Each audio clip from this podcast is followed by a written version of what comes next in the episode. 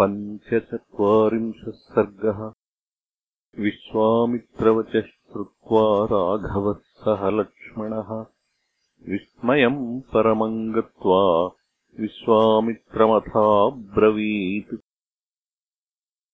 अत्यद्भुतमिदम् ब्रह्मन् कथितम् परमम् त्वया गङ्गावतरणम् पुण्यम् सागरस्यापि पूरणम् तस्य सा शर्वरी सर्वा सहसौमित्रिणा तदा। जगामचिन्तयानस्य विश्वामित्रकथाम् शुभाम्।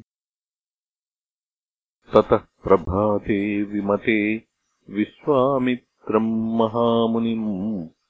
उवाच राघवो वाक्यम् कृताह्निकमरिन्दमः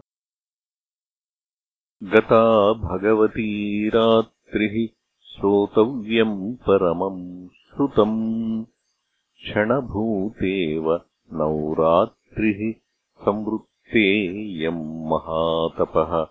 इमाम् चिन्तयतः सर्वाम् निखिलेन कथाम् तव तरामसरिताम् श्रेष्ठाम् पुण्याम् त्रिपथगाम् नदीम्। नौरेषा हि सुखास्तीर्णा ऋषीणाम् पुण्यकर्मणाम्। भगवन्तमिह प्राप्तम् ज्ञात्वा त्वरितमागता। तस्य तद्वचनम् श्रुत्वा राघवस्य महात्मनः सन्तारङ्कारयामास सर्षिसङ्घः राघवः उत्तरम् तीरमासाद्य सम्पूज्य ऋषिगणम् तदा गङ्गाकूले निविष्टास्ते विशालाम् ददृशुः पुरीम्। ततो मुनिवरः तूर्णम् जगाम सह राघवः। विशालाम् नगरीम् रम्याम् दिव्याम् स्वर्गोपमाम् तदा अथ रामो महाप्राज्ञो विश्वामित्रम् महामुनिम् पप्रच्छप्राञ्जलिर्भूत्वा विशालामुत्तमाम् पुरीम् कतरो राजवंशोऽयम् विशालायाम् महामुने श्रोतुमिच्छामि भद्रन्ते परम् कौतूहलम् हि मे। तस्य तद्वचनम् श्रुत्वा रामस्य मुनिपुङ्गवः आख्यातुम् तत्समारेभे विशालस्य पुरातनम् श्रूयताम् रामचक्रस्य कथाम् कथयतः शुभाम्। अस्मिन् देशे तु यद्वृत्तम् तदपि शृणु राघव। पूर्वम् कृतयुगे रामदितेः पुत्रा महाबलाः। अदितेश्च महाभाग वीर्यवन्तः सुधार्मिकाः। ततः तेषाम् नरश्रेष्ठ बुद्धिरासीन्महात्मनाम् अमरा अजराश्चैव कथम् श्यामनिरामयाः तेषाम् चिन्तयताम् राम बुद्धिरासीन्महात्मनाम् क्षीरोदमधनम् कृत्वा प्रसम्प्राप्याम तत् वै। ततो निश्चित्यमथनम् योक्त्रम् कृत्वा च वासुकिम्। मन्थानम् मन्दरम् कृत्वा ममन्थुरमितौजसः अथ वर्षसहस्रेण योक्त्रसर्पशिरांसि च वमन्त्यतिविशम् तत्र ददम् शुर्दशनैः शिलाः उत्पपाताग्निसङ्काशम् हालाहलमहाविशम् तेन दग्धम् जगत्सर्वम् सदेवासुरमानुषम्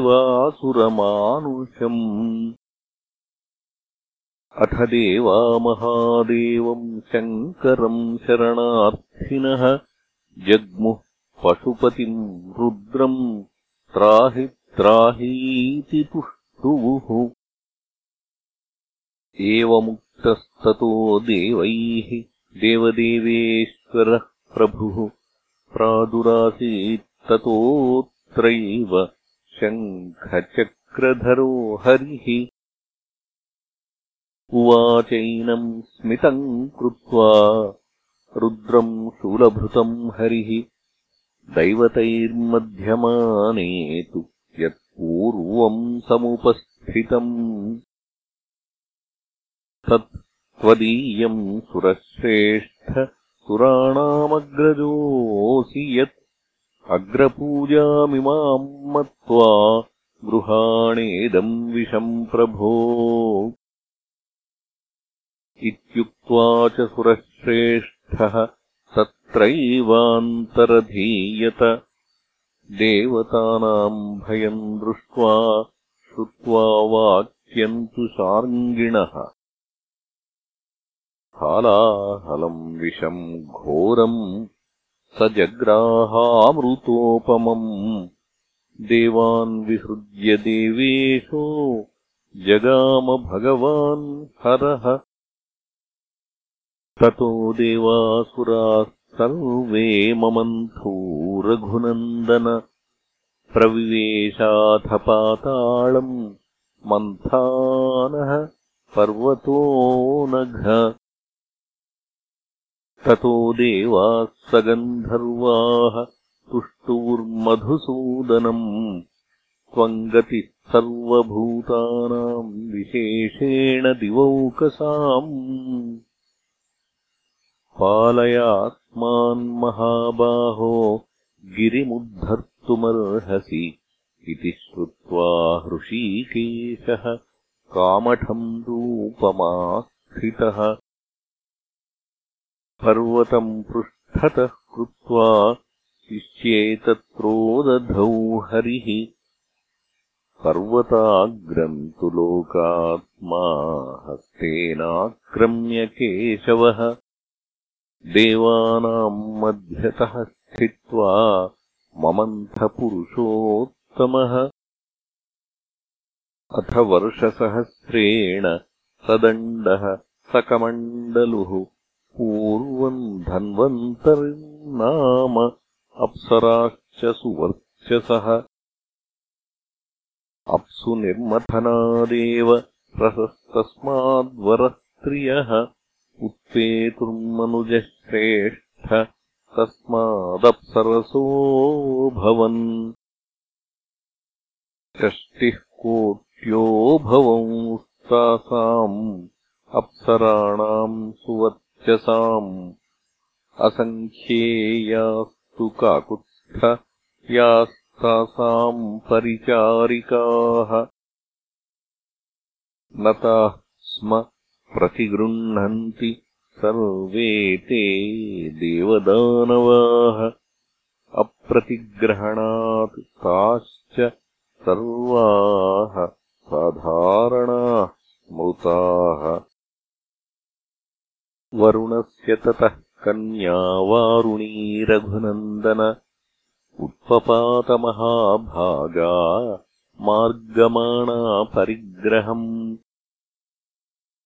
दितेः पुत्रा नताम् राम जगृहुर्वरुणात्मजाम् अदितेस्तु सुता वीर जगृहुस्तामनिन्दिताम् असुरास्तेन दैतेया सुरास्तेनादितेः सुताः। हृष्टाः प्रमुदिताश्चासन् वारुणीग्रहणात् सुराः।